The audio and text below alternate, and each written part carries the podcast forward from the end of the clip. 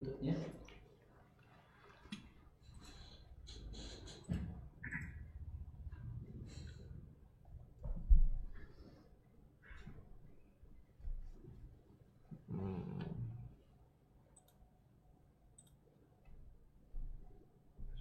Aduh, tuh ada yang buka kamera lagi.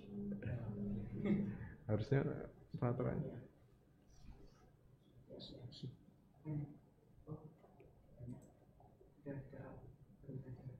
Sudah siap. Sudah siap semua. Boleh? langsung mulai mas. Hmm, siapa siapa ini penyiarnya cek cek mas Saiful. Hmm, Ustaz, masuk. ayo. Ustaz, dibuka dulu ya, ya. ya ya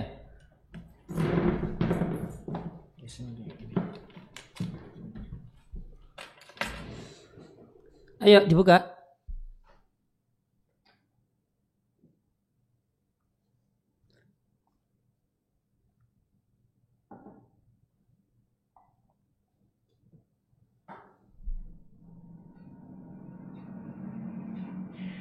Bismillahirrahmanirrahim. Assalamualaikum warahmatullahi wabarakatuh.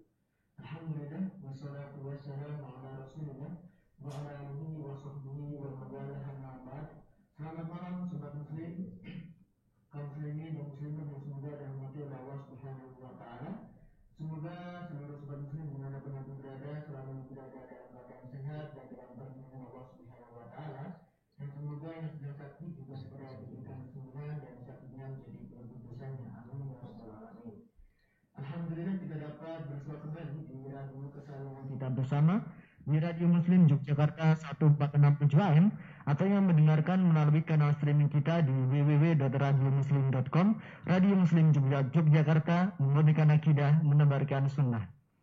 Insya Allah pada malam yang berbahagia ini kita akan sama-sama mendengarkan dan menyimak program acara kajian malam yang akan disampaikan atau juga dibawakan oleh Ustadz Aris Munandar Hafidullah Ta'ala dengan pembahasan konsultasi seputar hukum keluarga di mana kajian ini merupakan kajian interaktif sehingga sobat muslim semua dapat bertanya langsung kepada Ustadz melalui chat SMS ataupun WhatsApp yang nantinya akan dijawab oleh Ustadz satu persatu di nomor 0823 27275333.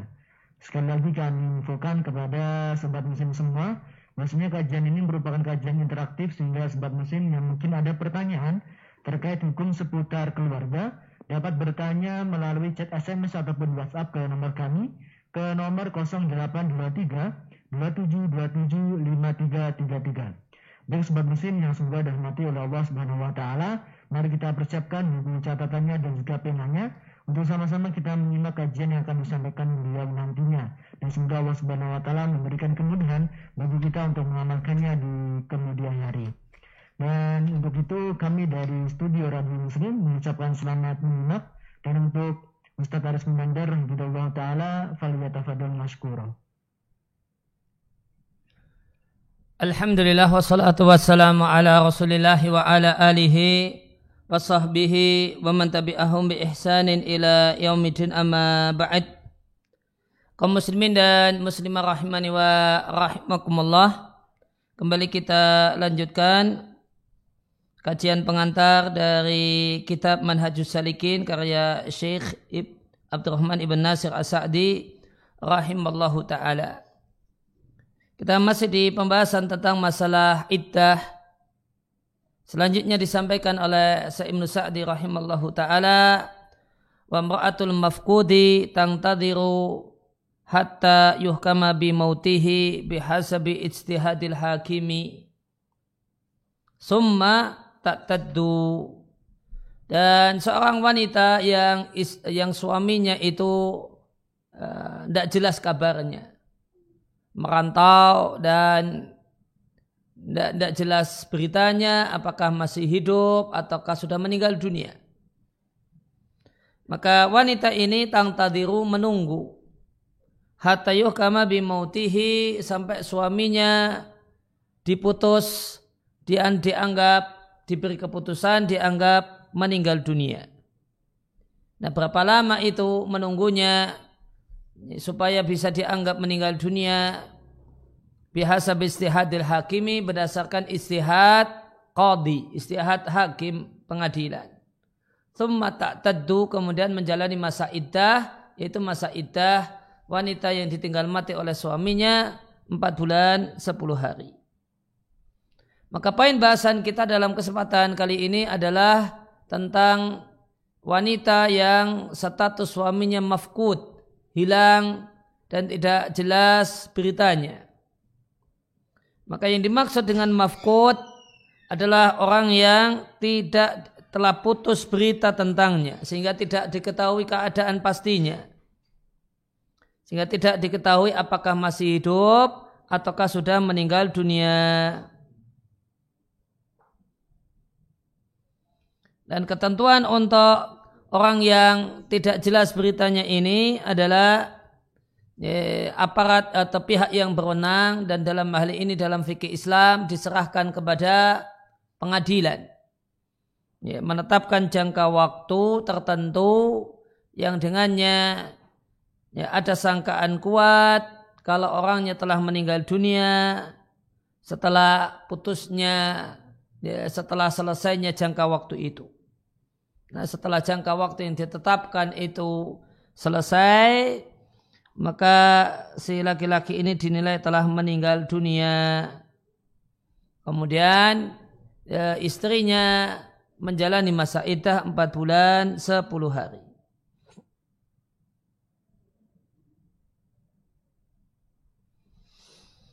Ya, maka wanita yang nasibnya demikian, kondisinya demikian, dia menunggu ketika dia meminta dan menginginkan untuk berpisah atau dipisahkan dari suaminya maka menunggu selama jangka waktu tertentu ada sangkaan kuat kalau suami telah meninggal dunia.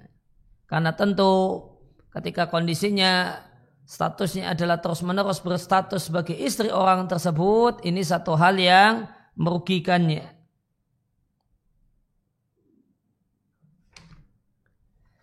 Ya, maka ya, pihak yang berwenang itu menetapkan jangka waktu tertentu jika ini telah berlalu dianggap telah meninggal dunia. Dan ini jangka waktu ini tentu berbeda-beda. Ya, berbeda-beda ya, dikarenakan perbedaan sebab kepergian. Ya, kepergian merantau tentu berbeda dengan hilang kabar karena kondisi perang bisa jadi berbeda dengan kabar uh, hilang kabar karena dan tidak diketahui secara pasti kondisinya karena kecelakaan pesawat terbang atau kecelakaan atau tenggelamnya ya, kapal laut. Ya, maka tidak diketahui beritanya. Ya, maka jangka waktu dianggap mati tentu berbeda-beda Demikian juga sarana komunikasi yang berbeda antara satu zaman dengan yang lain menyebabkan jangka waktu bisa dianggap mati itu berbeda-beda. Maka jika ada sangkaan kuat sudah tidak hidup, maka hakim ketok palu kalau dia dianggap telah meninggal dunia. Kemudian si istri diminta untuk menjalani masa iddah karena telah telah karena suaminya dinilai telah meninggal dunia. Setelah masa iddah selesai, empat bulan sebelum hari selesai, wanita ini baru boleh menikah dengan lelaki yang lain. Nah, jika seandainya yang terjadi, ternyata setelah menikah dengan lelaki yang lainnya, suaminya datang.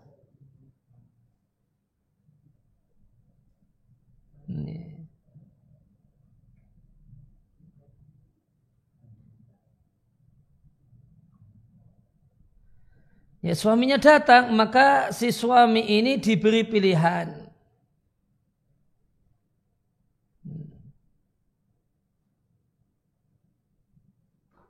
Antara mendapatkan kembali istrinya ataukah mendapatkan kembali mahar yang pernah diberikan uh, kepada istrinya. Jika dia memilih mahar, ya, dia meminta kepada istrinya kembalikan mahar yang dulu pernah saya berikan maka istri mengembalikan mahar kepada suaminya ini, kemudian istri bisa minta ganti kepada suaminya yang baru. Kemudian suami yang baru tidak perlu melakukan perbaruan akad nikah. Dasar hal ini adalah karena keputusan Umar bin Khattab radhiallahu taala anhu dalam hal ini.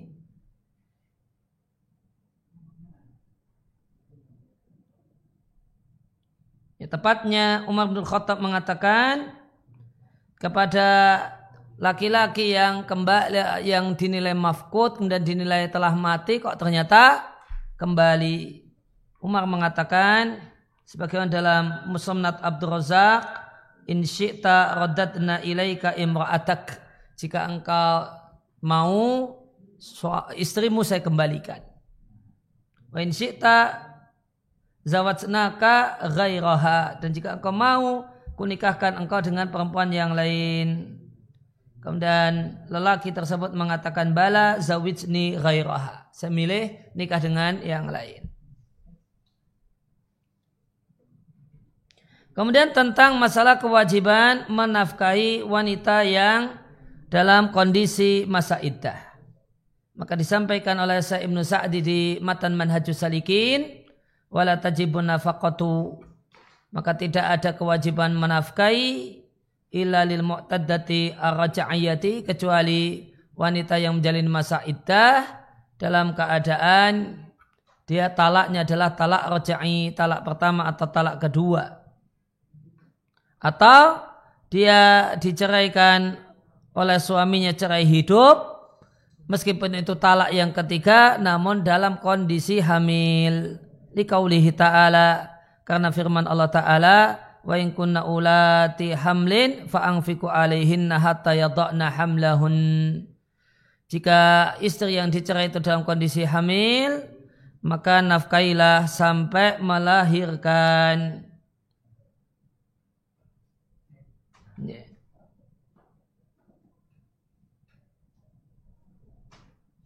yeah. uh, Berkenaan dengan masalah wanita yang menjalani masa iddah bisa disimpulkan ada enam kategori. Yang pertama, menjalani masa iddah dan dia hamil. Dalam kondisi hamil, baik masa idahnya itu karena ditinggal mati oleh suami atau diceraikan oleh suami, maka masa idahnya sampai melahirkan. Kemudian yang kedua, wanita yang ditinggal mati oleh suaminya dalam keadaan tidak hamil, belum dikumpuli, ditinggal mati, baik belum dikumpuli atau sudah dikumpuli. Maka masa idahnya 4 bulan 10 hari. Kemudian kebalikan dari hamil, istilah dalam fikih disebut hail. Ya, wanita yang tidak dalam kondisi hamil di, uh, masa menjalin masa idah ya, dalam kondisi tidak hamil dan masih aktif haidnya. Maka masa idahnya tiga kali haid. Yang keempat, ya, tidak hamil dan tidak memiliki haid. Karena menopos misalnya, masa idahnya tiga bulan.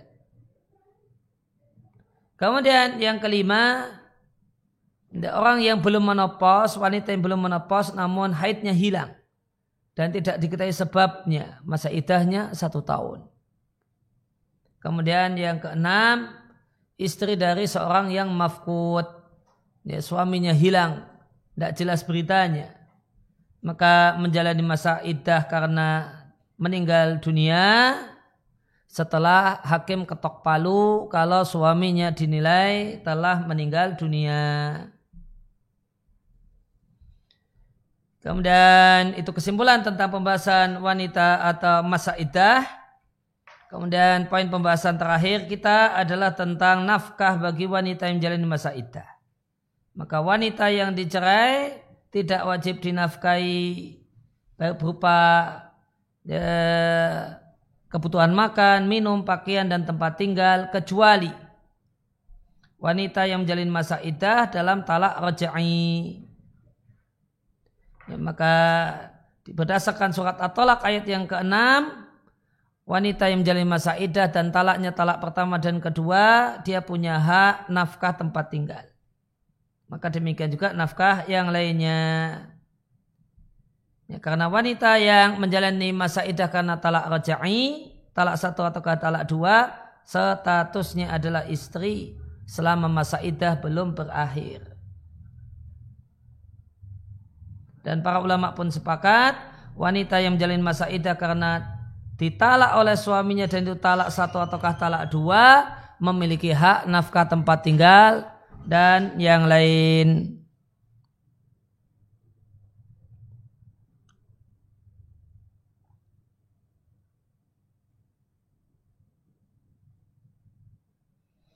Kemudian ya, tadi talak rojai, kemudian yang kedua wanita yang e, berpisah dari suaminya, pisah hidup dan dia dalam keadaan hamil. Baik e, talaknya rejai ataukah talaknya itu sudah talak bain karena sudah talak tiga? Ataukah kemudian dalam keadaan ke, uh, uh, bubar pernikahan itu karena hulu yeah, maka yang jelas pisah hidup apa pun sebab pisahnya dan kondisinya kondisi hamil maka wajib diberi nafkah. Ya, wajib diberi nafkah sampai melahirkan. Menimbang firman Allah Ta'ala di surat At-Talaq ayat yang ke-6 karena janin ini adalah anak dari si suami yang menceraikan maka wajib bagi si ayah menafkainya dan dalam kondisi hamil, maka tidak mungkin bisa menafkahi anak kecuali dengan menafkahi ibunya. Seperti wanita yang menyusui ketika kondisinya masih menyusui, tidak mungkin bisa menafkahi anak kecuali dengan menafkahi ibunya yang menyusui.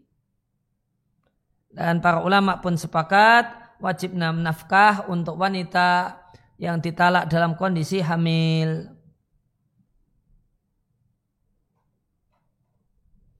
Eh, kesimpulannya ya, wanita yang tidak memiliki hak nafkah ya, ketika berpisah dari uh, ya, dari suaminya yang pertama adalah uh, manakala talaknya adalah talak bain yang menyebabkan dia resmi jadi ya, mantan istri semacam sudah talak tiga atau kemudian khulu atau bubar rumah tangga karena fasakh atau karena li'an maka tidak memiliki hak nafkah. Kemudian yang kedua, wanita yang ditinggal mati oleh suaminya tidak memiliki hak nafkah dan tempat tinggal kecuali jika dalam kondisi hamil. Yaitu materi pengantar kita di kesempatan malam hari ini. Wassalamualaikum warahmatullahi wabarakatuh wa ala alihi wa sahbihi wa salam wa da'wana alhamdulillahi rabbil alamin. Kami mengucapkan jazakallah khairan pada Ustadz Aris Munandar yang Ta'ala atas pembahasan materinya pada kesempatan kali ini. Jadi sobat muslim yang semoga dirahmati oleh Allah Subhanahu wa taala, rasanya kita sudah menyelesaikan pembahasan materi pertama hingga kita sudah berada pada sesi yang kedua yaitu sesi tanya jawab di mana sobat muslim semua dapat melayangkan pertanyaan terkait hukum seputar keluarga ke chat SMS ataupun WhatsApp ke nomor 0823 27275333.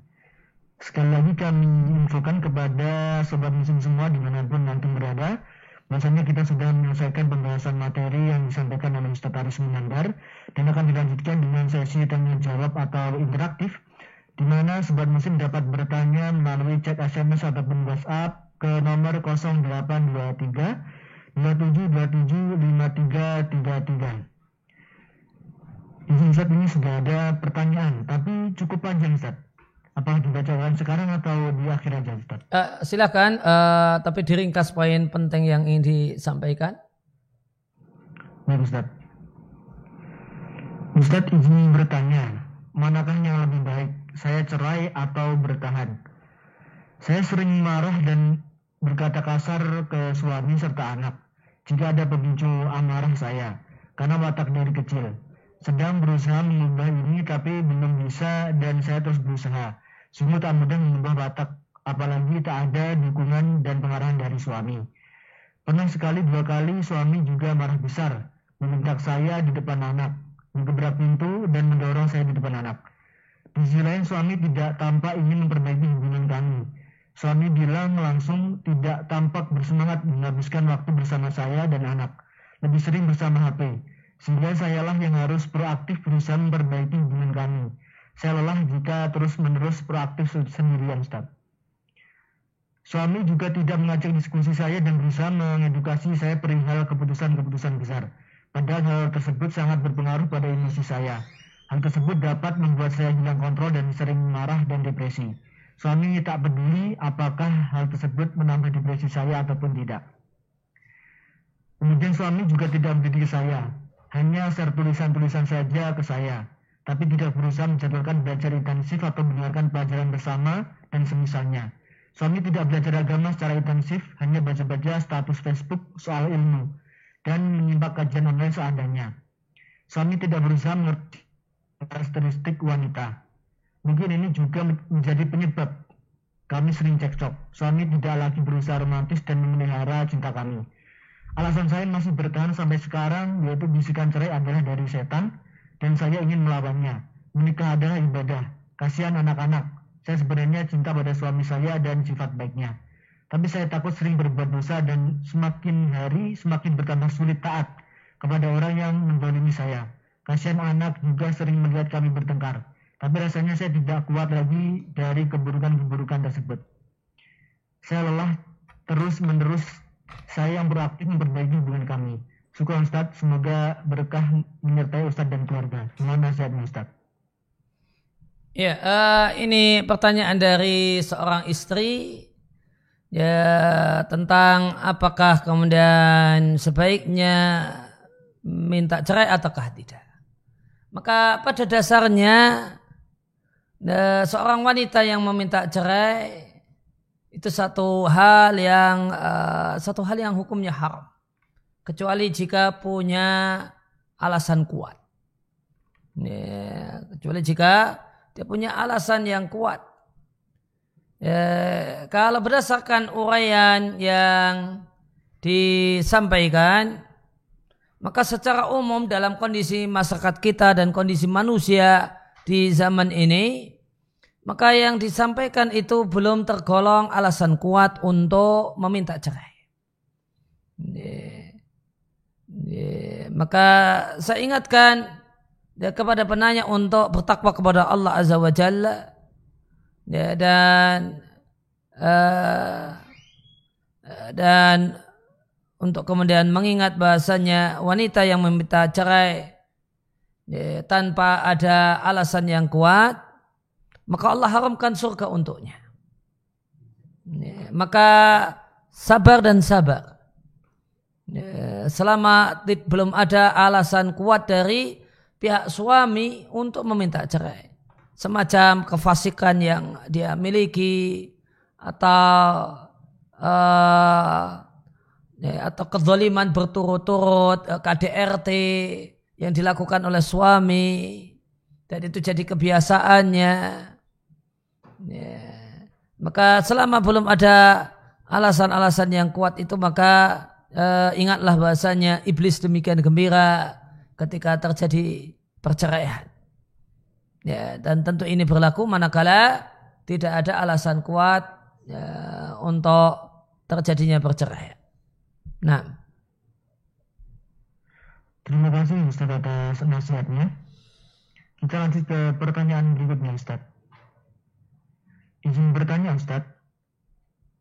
Ada kasus di mana suami membuat akta cerai dalam kondisi dia emosi tapi mereka tidak melakukan perceraian.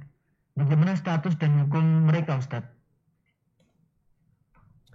Ya, apa yang dimaksud dengan membuat akta perceraian? Ya, apakah yang dimaksudkan adalah uh, menceraikan secara secara tulisan? Dia nulis dan di maka jika nulis ya, maka suami di sini cuma tanda tangan ataukah dia menulis karena nanti beda hukumnya. Ya, dan ada rincian-rinciannya ya, antara suami sekedar tanda tangan ataukah kemudian dia menuliskan kata-katanya. Kemudian nanti juga perlu dilihat gimana redaksi yang dituliskan oleh suami.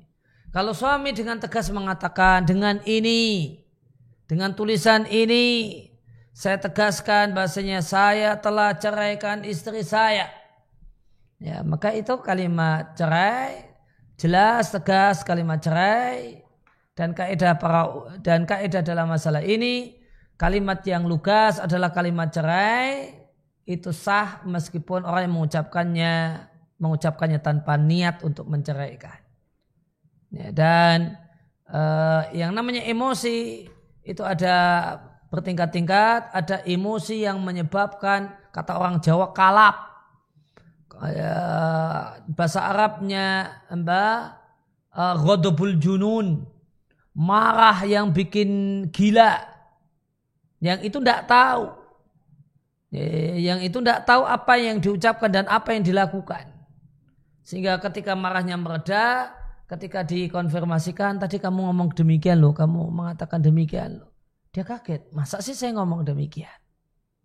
Nah, maka kalau kondisinya kondisi kalap, kata orang Jawa kalap gitu, ya, atau godobul junun, dan pada saat itu menjatuhkan cerai dengan tulisan ataupun dengan lisan, nah itu tidak sah ya, sebagai cerai. Namun jika dia adalah keadaan sadar, namun karena dibimbing oleh amarah, didikte oleh emosi, dia jatuhkan cerai pada istrinya, maka demikianlah perceraian. Ya, yang namanya perceraian itu terjadi karena ya, karena emosi. Kalau kondisinya baik-baik, tidak ada emosi, tidak ada ini, ya normalnya tidak uh, tidak akan terjadi perceraian. Nah, terima kasih atas penjelasannya. Kembali kami ingatkan kepada sobat muslim semua bahwasanya kita sudah memasuki uh, sesi interaktif sehingga sobat muslim semua dapat melayangkan pertanyaan terkait hukum seputar keluarga ke nomor 0823 2727 5333 yang insya Allah akan dijawab satu persatu oleh Ustadz Aris Gunandar secara bertahap. Sekali lagi kami infokan kepada sobat muslim semua di mana pun nanti berada yang menyimak kajian ini. Dan bahwasanya kita sudah berada dalam uh, sesi interaktif sehingga sobat muslim dapat melayangkan pertanyaan melalui chat SMS ataupun WhatsApp ke nomor 0823 2727 5333. Kita lanjut ke pertanyaan berikutnya Ustaz. Bismillah, Afan Ustaz izin bertanya. Apakah tidak masalah jika seorang suami istri berhubungan yang di mana di situ ada sang bayi juga? Mohon nasihatnya. Ulangi, ada siapa? ada anaknya Ustaz, ada bayi. Ya, uh, maka anaknya itu jika yang dimaksud anak adalah bayi, ya, maka tidak mengapa insya Allah Ta'ala. Nah, apalagi kemudian uh, hubungan itu dilakukan di balik selimut sehingga tertutup. Nah. Terima kasih Ustaz atas jawabannya. Kita lanjut ke pertanyaan berikutnya Ustaz. Ustadz, bagaimana sebaiknya jika suami, eh, jika istrinya seharian marah dan suami sudah membujuknya berkali-kali untuk minta maaf, tetapi tetap istri marah kepada suaminya, dan akhirnya sang suami marah dan pisah kasur. Mohon nasihatnya Ustadz. Ya, saya nasihatkan kepada ya, kepada diri saya pribadi dan kepada seluruhnya bahasanya ya, rumah tangga itu akan uh, akan berjalan dengan baik, biduk uh, bahtera rumah tangga itu akan ya, berjalan sebagaimana yang diharapkan. Itu manakala uh, rumah tangga ini dibangun di atas arif kuwalin lemah lembut. Yang di antara bentuknya adalah ya, didominasi helm yaitu tidak mudah emosi ya, tidak mudah marah dan seandainya marah mudah reda marahnya tidak berkepanjangan inilah sebab awetnya rumah tangga yeah. Yeah. sebagaimana sabda Nabi sallallahu alaihi wasallam dalam hadis yang diriwayatkan Imam Ahmad idza aradallahu bi ahli baitin khairan adkhalahu Allahu fihim arifqa maka jika Allah Subhanahu wa taala menginginkan kebaikan yang besar pada satu rumah tangga maka Allah akan memasukkan padanya sifat lemah lembut dan di antara uh, di antara bentuk lemah lembut adalah tidak mudah marah dan jika seandainya marah tidak berkepanjangan. Dan perlu diketahui dan disadari oleh seluruh uh, para istri bahasanya ketika dia ada satu hal yang menjengkelkan, menyakitkan, maka kemudian pingin ngambek, dalam tanda kutip silahkan ngambek. Tapi jangan lama-lama. Ya, tapi jangan lama-lama. Karena kalau ngambek itu enggak lama, normanya laki-laki memaklumi. Tapi kalau ngambeknya itu lama, ya, uh, kemudian ya, terlalu lama, maka yang maka yang terjadi maka normalnya karakter banyak laki-laki adalah akan merespon hal tersebut dengan emosi. Ya, dan ini tentu sebenarnya satu hal yang tidak diharapkan oleh seorang istri yang ngambek. Dia ingin dengan ngambeknya itu akan mewujudkan kebaikan. Nah, maka perlu disadari bahasanya ngambek itu akan mewujudkan kebaikan manakala ya, ngambeknya proporsional. Ya, tidak berkepanjangan, secukupnya. Nah. Terima kasih Ustaz atas jawabannya. Kita lanjutkan ke pertanyaan berikutnya Ustaz. Bismillah. Assalamualaikum warahmatullahi wabarakatuh Ustaz. Waalaikumsalam warahmatullahi wabarakatuh. Semoga Ustaz dan keluarga senantiasa dalam lindungan Allah Subhanahu wa taala. Amin. Ustadz izin bertanya, ketika seorang wanita menjalani ihdat, termasuk larangan baginya untuk menyisir rambutnya. Namun di hadis lain Rasulullah Shallallahu Alaihi Wasallam memperbolehkan menyisir dengan udara. Hadis dari Ummu Salamah radhiyallahu anha. Bagaimana cara mengkompromikan dua hadis ini Ustaz? Dan apa maksud dari menyisir dengan udara? Apakah menggunakan batangnya atau daunnya? Jazakumullahu khairan Ustaz. Ya, yang dilarang bagi wanita yang sedang menjalani masa ihdat yang dilarang adalah ya, berdandan. Ya, pakai parfum, pakai celak, pakai wangi-wangian. Adapun bersisir tidak mengapa. Ya, tidak mengisir itu tidak mengapa. Kamu dia eh, maka tidak terlarang eh, menyisir merapikan uh, diri ini tidak terlarang. Yang terlarang itu berdandan. Kemudian apa yang dimaksud dengan menyisir dengan daun bidara? Maka Allah a'la mungkin yang dimaksudkan uh, perlu diketahui daun daun bidara di uh, di masa Nabi itu bisa kemudian berstatus sebagaimana sabun atau status sebagaimana sampo. Mungkin yang dimaksudkan adalah memakai sampo. Namun sampo bagi wanita yang menjalani masa ihdat itu diperbolehkan manakala bukan sampo wangi ya. ya bukan sampo yang e, menimbulkan bau yang harum pada rambut. Nah. Terima kasih Ustaz atas penjelasannya. Kembali lagi kami ingatkan kepada sobat muslim semua di mana pun nanti berada bahwasanya masih ada waktu kurang lebih sekitar eh, uh, 22 menit ya sehingga sobat muslim semua dapat memanfaatkannya dengan bertanya melalui chat SMS ataupun WhatsApp yang nantinya akan kami bacakan satu persatu secara bertahap dan insya Allah juga akan dijawab oleh Ustadz Aris Munandar juga dengan bertahap pula. Sekali lagi dapat mengirimkan pertanyaan ke nomor 0823 2727 5333. Sekali lagi dapat mengirimkan pertanyaan sobat muslim ke nomor 0823 2727 Ya Ustaz kita lanjutkan ke pertanyaan berikutnya Ustaz. Assalamualaikum Ustaz. Waalaikumsalam warahmatullahi wabarakatuh. Izin bertanya Ustadz, jika ada wanita hamil sebelum menikah, kemudian akad nikah saat hamil, apakah harus mengulang akad nikah setelah melahirkan? Karena ada dua pendapat tentang ini. Ya, uh, sebagaimana disampaikan oleh penanya ada dua pendapat dalam masalah ini dan masalah kemaluan itu masalah besar dan hukum asal uh, farji itu haram.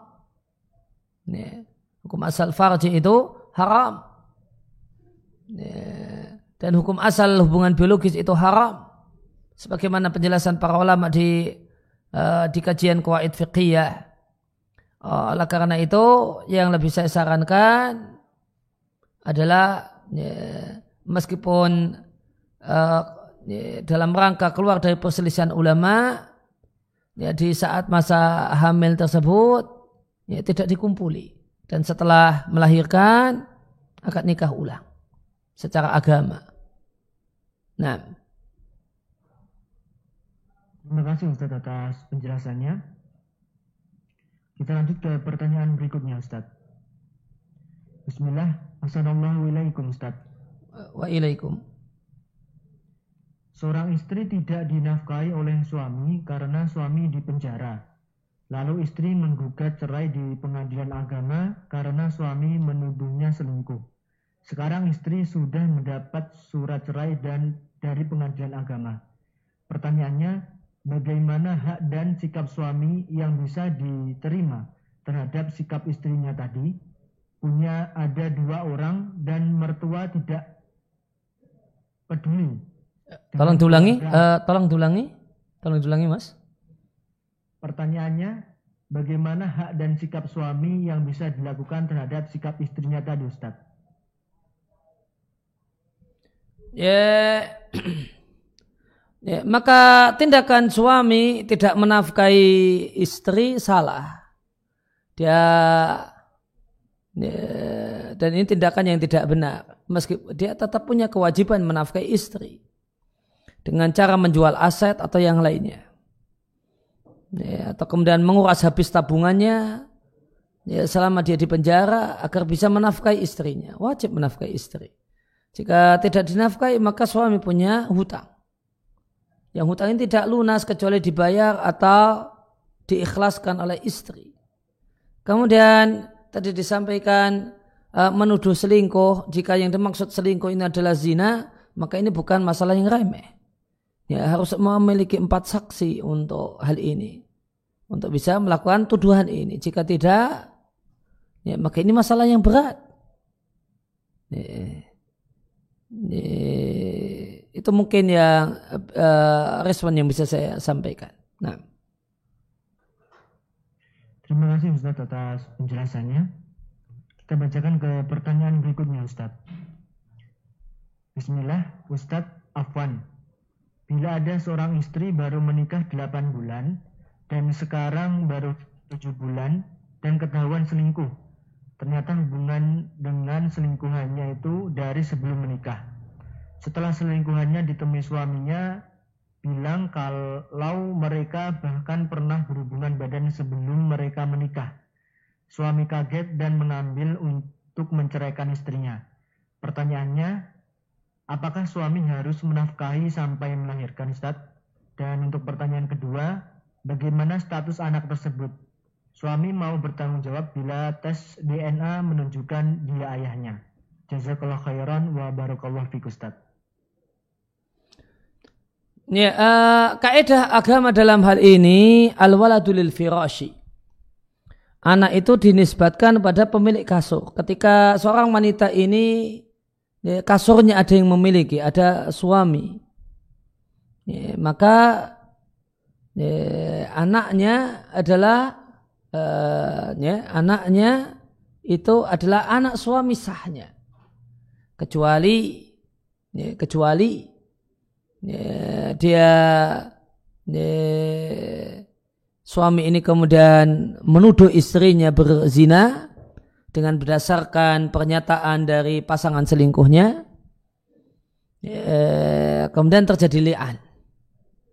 Terjadi li'an saling melaknat.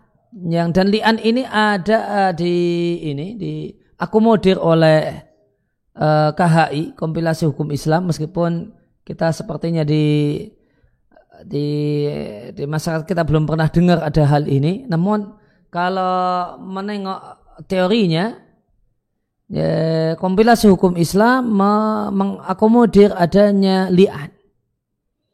Ya, sehingga ya, Solusinya jika tidak mau menafkahi bayi ini adalah berikan tuduhan. Berikan tuduhan kepada istri kalau dia berzina. Kemudian proses di pengadilan berdasarkan mengacu pada KHI, kompilasi hukum Islam, di, diakomodir adanya li'an, minta untuk diizinkan li'an. Dengan li'an kemudian dia meniadakan nasab dari nasab janinnya ada di perut istri.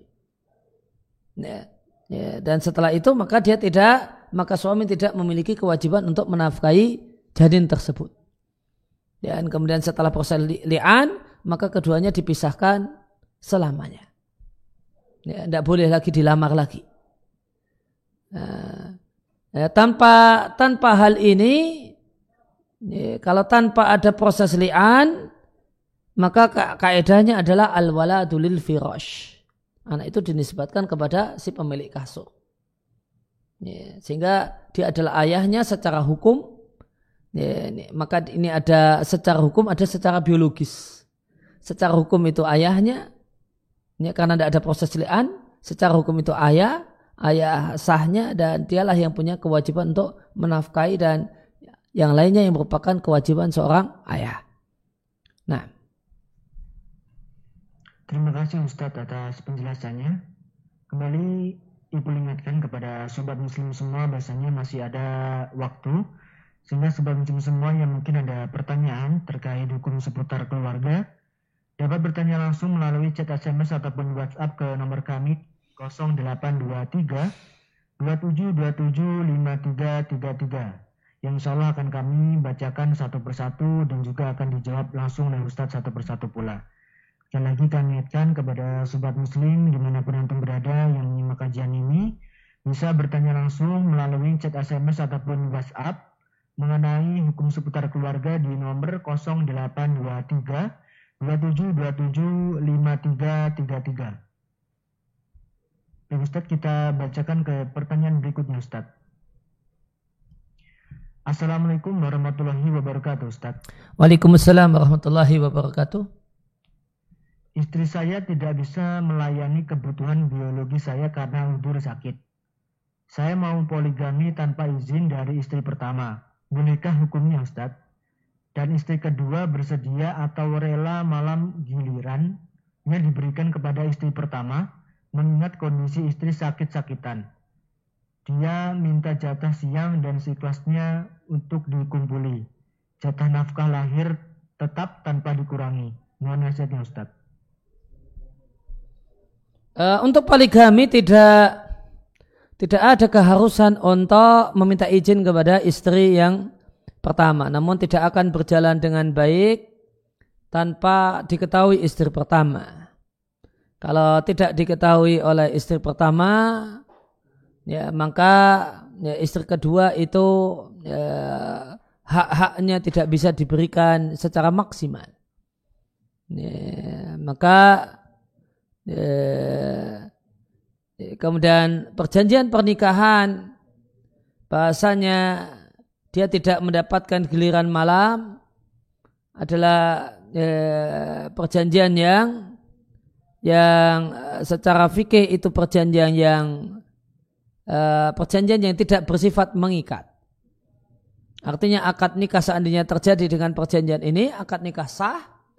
Namun ketika kapan-kapan istri kedua meminta haknya giliran malam dan eh, dan sebagainya, maka itu menjadi haknya dan dia tidak salah. Ya. Dan seandainya eh, dan pesan khusus untuk suami yang memang berniat kuat untuk melakukan poligami, maka pelajari dengan baik e, fikih poligami. Ya, dan ya, ini tidak bisa dipraktekkan secara maksimal aturan-aturan fikih poligami ini jika istri pertama tidak tahu. Nah. Terima kasih Ustadz atas jawabannya. Kita lanjut ke pertanyaan berikutnya Ustadz. Assalamualaikum Ustadz. Waalaikumsalam warahmatullahi. Izin bertanya. Ada rekan kami mengaku bertahun-tahun dulu pernah sering mengucapkan talak lebih dari tiga kali karena tidak paham masalah batasan talak mana yang roji, mana yang bain. Apakah diudur karena ketidaktahuannya Ustaz? Mohon jawabannya. ya, uh, yang kemudian uh, orang yang tidak tahu berkenaan dengan hukum itu ada yang mendapatkan uzur dimaklumi dan tidak. Yang dimaklumi manakala tidak tahu hukum. Bukan tidak tahu dampak hukum. Nih. Kalau orang itu tahu hukum, ya orang itu tahu hukum, cuma tidak tahu dampak hukum, maka dia tidak punya, maka dia tidak diberi pemakluman. Dia tahu ini talak. Talak itu artinya rumah tangga bubar. Namun dia tidak tahu dampak hukum talak. Ya, bahwasanya setelah tiga kali ya, maka sudah resmi jadi orang lain. Ini berkenaan dengan dampak hukum. Ya, yang bisa dimaklumi tidak tahu. Kalau ucapan ini talak dan tidak tahu. Ya, kalau talak itu ya tidak tahu ya tidak tahu hukum talak dan tidak tahu kalau ucapan ini ucapan talak. Itu yang bisa di uh, bisa diberi pemakluman. Tapi kalau tidak tahu dampak talak bahasanya setelah tiga kali ucapan talak artinya rumah tangga ini sudah game over. Ya, sudah bubar dan sudah berkeping-keping. Ya, maka ini tidak di diberi pemakluman. Karena ini adalah ketidaktahuan tentang dampak hukum. Ya, dalilnya kisah di masa Nabi ada di Sahih Bukhari, Sahih Muslim. Ada seorang laki-laki yang tidak uh, ya, ya, yang dia melakukan hubungan suami istri ya, di siang hari bulan Ramadan. Dia tahu melakukan hubungan suami istri itu tidak boleh di siang hari bulan Ramadan namun dia tidak tahu dampaknya, yaitu ada kewajiban bayar kafarah. Di antaranya puasa dua bulan berturut-turut. Dia mengaku kepada Nabi, dia tahu kalau ini tidak boleh, tapi dia tidak tahu kalau ada dampaknya seperti itu. Dan Nabi SAW tidak memberikan pemakluman kepadanya. Dan dampak hukumnya tetap Nabi uh, berlakukan kepada orang tersebut. Sehingga Nabi wajibkan dia untuk membayar kafarah dan menunaikan kafarah. Nah. Terima kasih Ustadz atas penjelasannya. Kita lanjut ke pertanyaan berikutnya Ustadz. Assalamualaikum Ustadz. Waalaikumsalam warahmatullahi.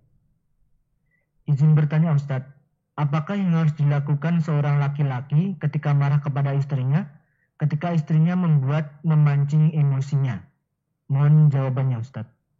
Ketika istri melakukan hal yang memancing emosi, maka yang pertama adalah laksanakanlah nasihat Nabi untuk diam. Ya, sebagaimana sabda Nabi Shallallahu Alaihi Wasallam dalam hadis yang diriwayatkan Imam Ahmad, "Ida ghadiba ahadukum falyaskut." Jika salah satu kalian ter, uh, menghadapi hal yang memancing emosi, hendaklah diam. Ini. Karena jika hal memancing emosi itu direspon dengan berkata-kata, dengan uh, nulis chat WA dan sebagainya, maka akan terucap hal-hal yang akan di, uh, yang akan disesali. Kemudian yang kedua, eh, silahkan tinggal tinggal pergi. Jika ternyata dengan diam saja di tempat diam saja tidak kuat, ini ingin meledak. Nah, maka silahkan pergi. Silahkan pergi keluar, pergi ke masjid atau tempat-tempat baik lainnya.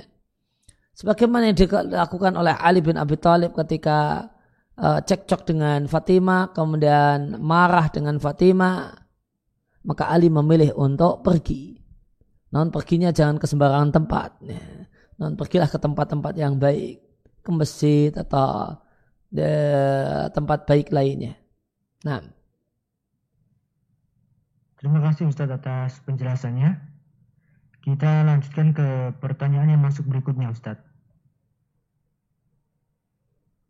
Bismillah, apa kriterianya ucapan cerai yang diucapkan oleh suami menjadi jatuh talak Ustadz? Nah, ucapan cerai itu ada dua macam. Ada ucapan cerai dengan kalimat lugas, yaitu kalimat yang tidak mengandung kemungkinan kecuali cerai. Kemudian kalimat bersayap. Itu kalimat yang multi tafsir. Maka jika kalimat yang diucapkan adalah kalimat lugas, kamu uh, kue tak pegat misalnya dalam bahasa Jawa kamu saya ceraikan kamu ya, saya tetapkan kamu bukan istriku kamu saya pecat jadi istriku atau kalimat-kalimat yang lainnya maka itu sah sebagai cerai meskipun diucapkan tanpa niat dan keinginan untuk mencerai kemudian yang kedua jika kalimatnya kalimat yang bersayap maka kembali kepada niat suami saat mengucapkannya. Jika saat mengucapkannya dia mau menjatuhkan uh, cerai, maka itu statusnya cerai. Namun jika uh, ada kemudian maksud yang lainnya, maka sesuai dengan maksudnya. Nah. Terima kasih Ustadz atas jelasannya. Kita lanjutkan ke pertanyaan berikutnya Ustadz. Assalamualaikum Ustadz. Waalaikumsalam warahmatullahi Amalan apa yang sebaiknya dilakukan istri yang sedang dalam masa iddah suami meninggal? Apakah kelak suami dan istri akan bisa dipertemukan di surga, Ustaz? Mohon jawabannya. Ya, jika uh, dua-duanya seorang yang beriman kepada Allah, dua-duanya orang yang beriman kepada Allah Subhanahu wa taala dan istri itu tidak nikah lagi setelah suaminya meninggal dunia, ya, maka dia akan bersama suaminya. Insya Allah taala. Apa yang dilakukan? Uh, ketika suami meninggal dunia maka ada dua kewajiban. Masa idah yaitu tidak boleh menikah.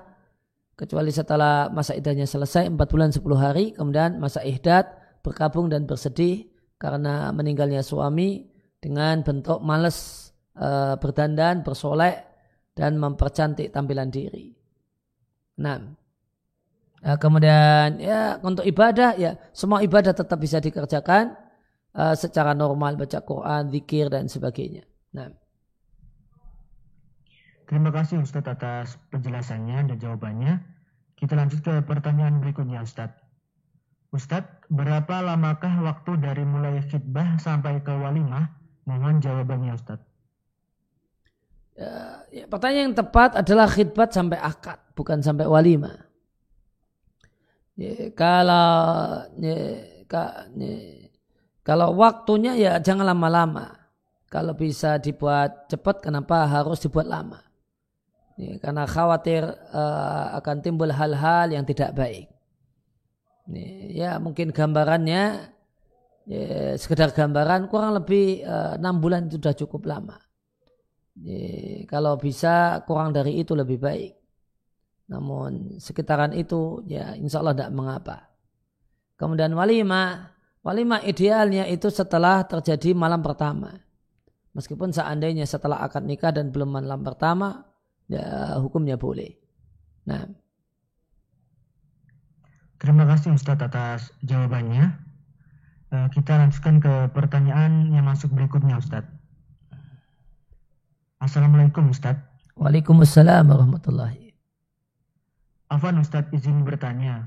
Bagaimanakah rumah tangga yang islami menurut para ulama? Mohon jawabannya Ustaz. Ya, rumah tangga yang asasnya adalah ta'awun alal birri wa taqwa.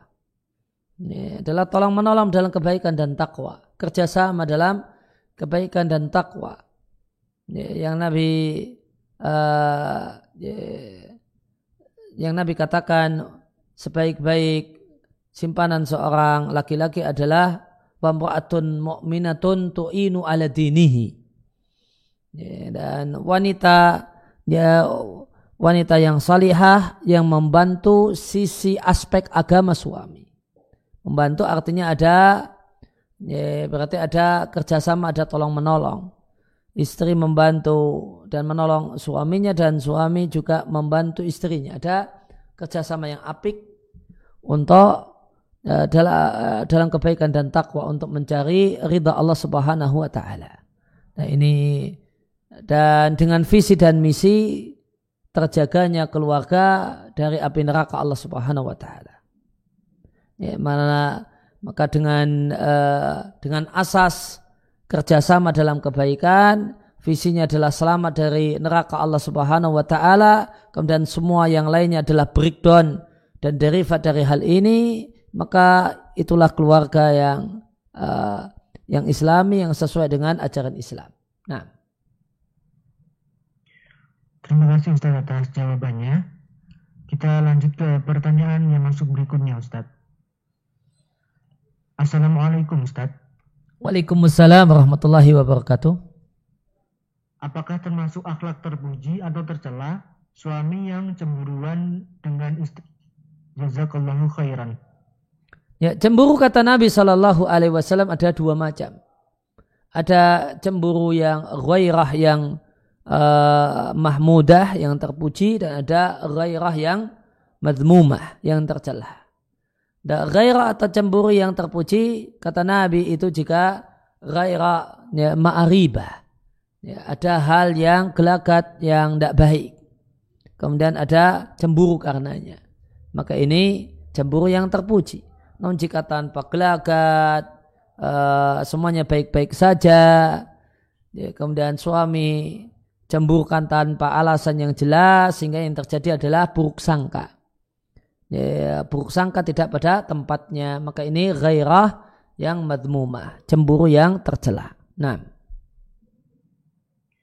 terima kasih Ustaz Afan Ustaz ini yang masuk pertanyaan cukup banyak dan sekarang itu sudah pukul 9 apakah dilanjutkan beberapa pertanyaan lagi atau bagaimana Ustaz uh, tambah satu atau dua anda Bapak baik Ustaz kita lanjut ke pertanyaan berikutnya Ustaz Assalamualaikum warahmatullahi wabarakatuh Ustaz. Waalaikumsalam warahmatullahi wabarakatuh.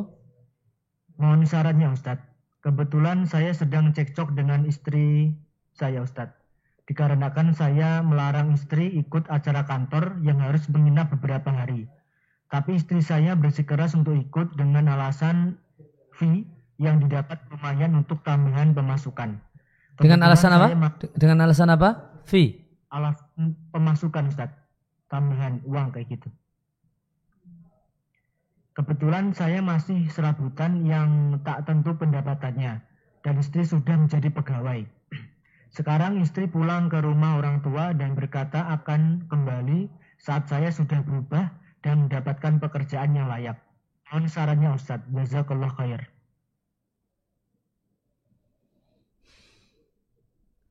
Ya, uh, jadi seorang suami dalam masalah ini tentu keputusannya itu adalah keputusan yang punya power ya, yang kata orang Jawa apa ya, ya, idunya itu idu geni nah, keputusannya itu punya power ya, itu perlu dukungan ya, apa perlu dukungan pendapatan yang ya, punya penghasilan yang jelas. Punya penghasilan yang jelas. Itu nanti dia punya power. Dia akan bisa katakan, sudah, ndak usah, ndak usah kerja. Rumah tangga kita cukup dengan duit saya. Nah, misalnya. Maka semacam ini memang satu hal yang ya, dalam kondisi macam ini keputusan suami adalah seorang satu yang berwibawa namun problemnya kalau keadaannya tidak demikian, keputusannya tidak punya wibawa. Karena memang salah satu unsur kawamah kepemimpinan kata Allah eh, eh, wabima angfaku min amwalihim. Dikarenakan suami itu menanggung hidup menafkahi istrinya. Eh, oleh karena itu maka wajar terjadi dari satu sisi wajar dari satu sisi wajar terjadi hal di atas meskipun kalau dari sisi yang lainnya ya, maka sikap istri dalam hal ini adalah sikap yang tidak benar. Ketika dia pergi ke rumah orang tuanya tanpa ridho suami, maka statusnya nusus. Ya, maka ini wanita yang nusus. Ya, yang yang dampak hukumnya secara agama gugur dan hilang kewajiban untuk menafkahi. Ya. Namun tentu hal ini ya, ini sisi sisi hak, sisi kewajiban. Namun uh, dari sisi ya, ya, dari sisi ingin baiknya keadaan, ingin baiknya keadaan, ya, maka ya, diawali memang ya tidak boleh tidak diawali dari gimana agak supaya suami ini cukup mapan ekonominya. Sehingga dia bisa gagah di hadapan ya, istri dan uh, setelah itu kemudian maafkan apa yang telah berlalu terus ajak istri untuk mari kita bangun kembali bersama.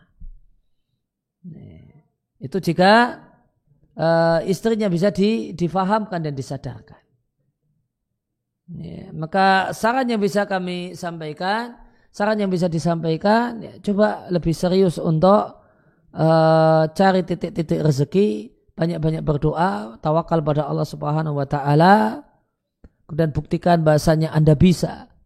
Ya tidak harus pekerjaan tetap namun yang penting penghasilan tetap. Nah tidak harus penghasilan tetap. Nggak harus mendapat uh, pekerjaan tetap namun penghasilan yang tetap. Ya, yang bisa diandalkan. Ya, setelah itu ya, ya maafkan kemudian apa yang telah terjadi kemudian ajak istri untuk membangun kembali rumah tangga dari awal. Ya, jika kondisinya belum mampu demikian, maka yang bisa dilakukan adalah banyak-banyak mengalah. Karena kondisi kita dalam ini suami, kondisi yang tidak berwibawa. Ya kita mengalah, ya, banyak kemudian memaklumi, Meskipun ya tetap mesti sebagai seorang pemimpin harus ngasih batasan-batasan. Namun batasan-batasannya karena kondisinya kondisi yang tidak berwibawa, batasan-batasannya itu berdasarkan kesepakatan. Tidak lagi bisa batasannya berdasarkan keputusan. Itu mungkin respon yang bisa saya sampaikan. Uh, cukup cukup sampai sini. Ya Mas. Ya Ustaz. Ya, ya demikian yang kita kaji dalam kesempatan uh, malam hari ini. Mudah-mudahan uh, jadi ilmu yang bermanfaat bagi saya pribadi dan Bapak dan Ibu sekalian. Sebelum diakhiri saya ucapkan terima kasih kepada Bapak dan Ibu sekalian yang telah hadir di uh, di kelas virtual ini. Mudah-mudahan kehadiran kita Allah catat sebagai amal soleh, amal ibadah yang memperberat timbangan kebajikan kita di sisi Allah Subhanahu wa taala di hari tidaklah bermanfaat harta dan anak kecuali orang yang menghadap Allah dengan hati yang bersih dan amal yang saleh.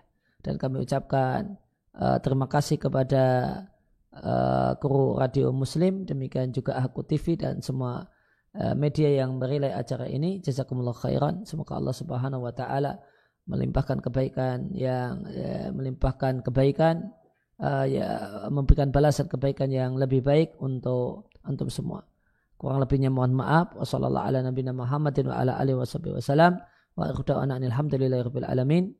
Wassalamualaikum warahmatullahi wabarakatuh.